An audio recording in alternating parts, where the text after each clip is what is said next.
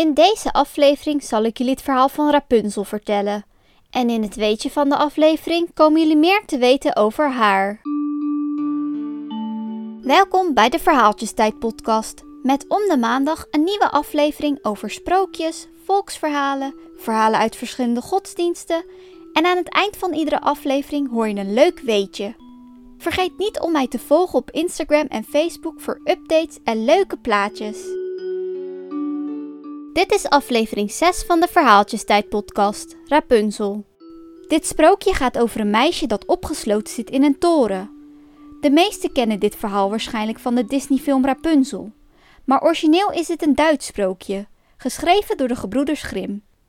Rapunzel is dan ook eigenlijk de Duitse naam voor dit sprookje, want in het Nederlands heet dit sprookje Rapunzel. Omdat de meeste mensen het meisje in dit sprookje kennen als Rapunzel, zal ik haar daarom ook Rapunzel blijven noemen. In het sprookje wordt er gesproken over Rapuntjes. Waarschijnlijk hebben de gebroeders Grimm het dan over een Rapunzelklokje. Er bestaat namelijk een plant die al in de middeleeuwen werd gegeten als een soort salade, want de wortel en bladeren zijn eetbaar. Maar wat is er eigenlijk zo bijzonder aan deze plant?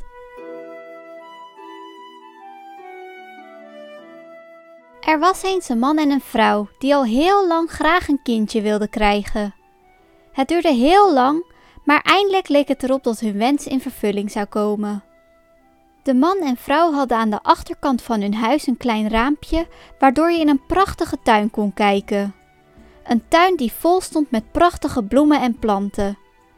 Maar rondom die tuin stond een hoge muur en niemand durfde naar binnen te gaan, want er woonde een heks genaamd Gottel. Ze was heel machtig en iedereen was bang voor haar. De man hield veel van haar en dacht: Ik wil niet dat mijn vrouw het niet zal overleven, dus ik moet maar die rapontjes gaan halen, wat het dan ook mag kosten. Toen het begon te schemeren, klom hij daarom over de muur en liet zich zakken in de tuin van de heks. Hij pakte zoveel mogelijk rapontjes en bracht het naar zijn vrouw. Ze maakte een maaltijd van de rapontjes en at alles gulzig op. Ze vond het zo lekker dat ze er de volgende dag nog driemaal zoveel trek in had. Wilde ze rust hebben, dan moest haar man nog een keer de tuin inklimmen. Dus toen het avond begon te worden, begon hij weer aan zijn tocht.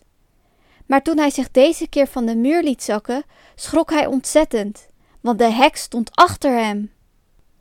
Hoe durf je, sprak ze boos, om in mijn tuin te klimmen en als een dief mijn rapontjes te stelen? Dat zal je veel kosten. Oh, antwoordde hij, heb alsjeblieft genade. Ik wist niet wat ik anders kon doen. Mijn vrouw heeft uw rapontjes vanuit het raam gezien en had zo'n groot verlangen ernaar dat ze er bijna van stierf, omdat ze het niet kon eten. Toen werd de heks kalmer en zei: Als wat jij vertelt de waarheid is, dan zal ik het toestaan als je de rapontjes meeneemt. Zoveel als je er maar wilt, maar op één voorwaarde. Je moet me je kind geven dat je vrouw ter wereld zal brengen. Het zal goed verzorgd worden en ik zal er moeder voor zijn. In zijn angst beloofde de man van alles. En nauwelijks was het kindje geboren of de heks kwam binnen, gaf het kind de naam Rapunzel en nam het mee. Rapunzel werd het mooiste kind op aarde. Toen zij twaalf jaar was geworden, sloot de heks haar op in een toren die in het bos stond en waar geen trap en geen deur in was. Alleen helemaal bovenin was er een klein raampje. Als de heks naar binnen wilde, dan ging ze beneden aan de voet van de toren staan en riep: Rapunzel, Rapunzel, laat je vlecht neer. Rapunzel had prachtig lang haar, fijn als gesponnen goud. Als ze de stem van de heks hoorde, pakte ze haar vlecht en gooide ze het naar beneden, wel twintig meter naar beneden, zodat de heks via de vlecht naar boven kon klimmen. De jaren verstreken en op een dag reed de zoon van de koning door het bos en kwam langs de toren. Hij hoorde een gezang. Het was zo'n prachtige stem dat hij zijn paard stopte en bleef luisteren. Het was Rapunzel. Ze was eenzaam en zong om de tijd te verdrijven. De prins wilde zien waar het gezang vandaan kwam, wie er zo mooi zong. Hij ging op zoek naar de ingang van de toren, maar hij kon nergens een deur of een trap vinden. Hij ging daarom weer naar huis, maar hij vond de stem zo mooi dat hij iedere dag terugkwam naar de toren om naar het gezang te luisteren. Op een dag stond hij achter een boom. Hij zag de heks aankomen en hoorde haar omhoog roepen: Rapunzel, Rapunzel, laat je vlecht neer. Toen liet Rapunzel haar vlecht vallen en de heks klom omhoog. Is dat een ladder die mij omhoog brengt? Dan zal ik dat eens proberen. Hij ging weer terug naar huis en kwam de dag erna terug. Toen de schemering viel, ging hij naar de toren en riep: Rapunzel, Rapunzel, laat je vlecht neer. Meteen viel er een vlecht uit het venstertje en nu was het de prins die omhoog ging. Rapunzel verwachtte dat haar moeder, een vrouw, naar boven kwam. Maar toen ze zag dat er een man binnenkwam, schrok ze heel erg. De prins zag dat ze geschrokken was en begon haar gerust te stellen. Hij sprak heel vriendelijk en vertelde haar hoe hij altijd zo genoot van haar gezang.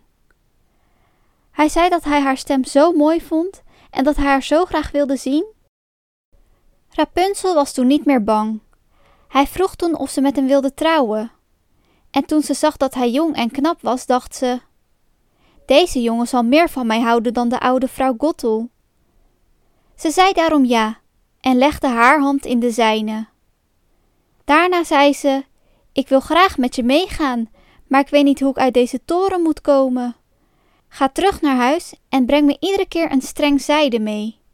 Daarvan zal ik een ladder vlechten, en als die klaar is, kan ik naar beneden, zodat je me uiteindelijk kan meenemen op je paard. Ze spraken af dat hij voortaan iedere avond zou komen, want overdag kwam de heks.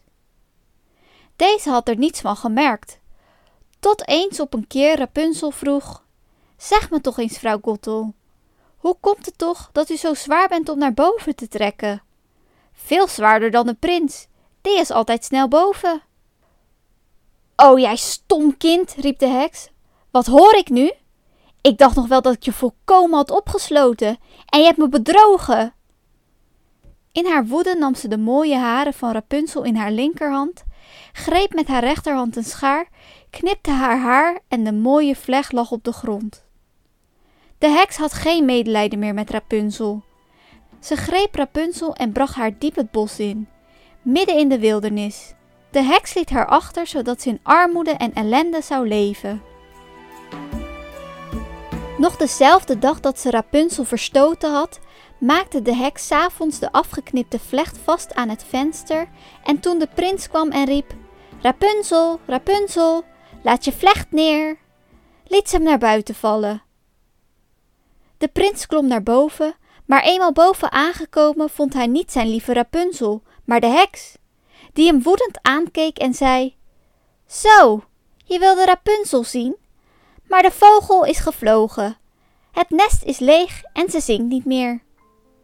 Rapunzel is verloren. Je zult haar nooit meer zien.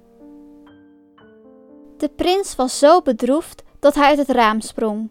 Gelukkig waren onder hem veel doornstruiken, waardoor zijn val werd gebroken en hij nog leefde.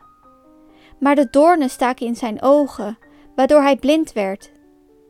Hij dwaalde zonder iets te zien door het bos en leefde van boomwortels en bosbessen.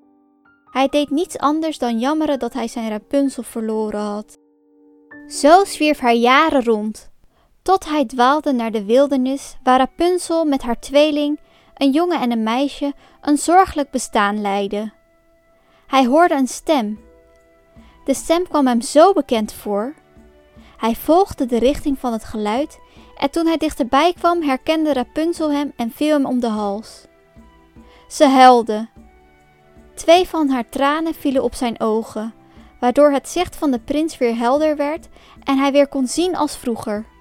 Vol vreugde bracht hij Rapunzel en zijn kinderen naar zijn koninkrijk, waar hij vol blijdschap werd ontvangen, en ze leefden nog lang en gelukkig. Dit was het verhaal van Rapunzel. In dit verhaal hebben we gehoord dat een vrouw zwanger is van een dochter. In deze periode wil ze graag rapontjes eten die in de tuin van een heks groeien. Haar man wordt betrapt als hij ze probeert te stelen. Maar als hij aan de heks uitlegt waarom hij dat doet, mag hij er zoveel meenemen als hij wilt, op de voorwaarde dat de heks zijn dochter krijgt. Wanneer deze geboren wordt, neemt de heks haar mee en sluit haar op in een hele hoge toren. De enige manier om binnen te komen is via de lange blonde haren van Rapunzel. Een jonge prins ziet dit en raakt in de torenkamer bij haar. Wanneer de heks hun relatie ontdekt, verbant ze Rapunzel naar de wildernis. De prins springt uit wanhoop uit de toren en wordt blind. Hij doolt jaren rond en vindt tenslotte Rapunzel. Haar tranen vallen op zijn ogen waarna hij weer kan zien. En ze leefden nog lang en gelukkig met hun kinderen. In de volgende aflevering zal ik jullie een Turks sprookje vertellen. Kikkerertje. Dit is eigenlijk de Turkse versie van het sprookje Duimendik. Een jongetje zo klein als een kikkerert beleeft allerlei avonturen.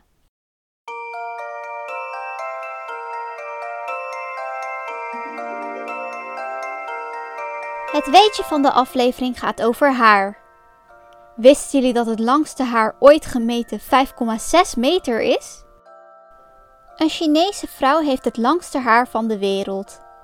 In 2004 was haar haar maar liefst 5,6 meter lang. Ze heeft haar haar laten groeien sinds ze 13 was. Dat was vanaf 1973. Ten opzichte van alle andere menselijke beharing groeit het hoofdhaar het snelst. Dit heeft te maken met de haarcyclus. Dat is wanneer je haar wordt aangemaakt, groeit en weer uitvalt. Deze cyclus verschilt voor iedereen. Want een haar kan 2 tot 6 jaar groeien totdat hij uitvalt. Je haar groeit gemiddeld 0,3 mm per dag. Dat is ongeveer 1 cm per maand en dus 12 cm per jaar. Als mannen hun haar nooit afknippen, kan hun haar 40 tot 50 cm lang worden. En bij vrouwen is dit 70 tot 80 cm. Dus de lengte van 5,6 meter van de Chinese vrouw is wel een hele grote uitzondering. Dit was Verhaaltjestijd. Vond je het een leuke podcast of heb je ideeën voor een ander verhaal? Laat dan een bericht achter op Instagram of Facebook. Je kan me vinden onder Verhaaltjestijd podcast. Meer informatie over de podcast kun je vinden in de beschrijving. Bedankt voor het luisteren en tot snel!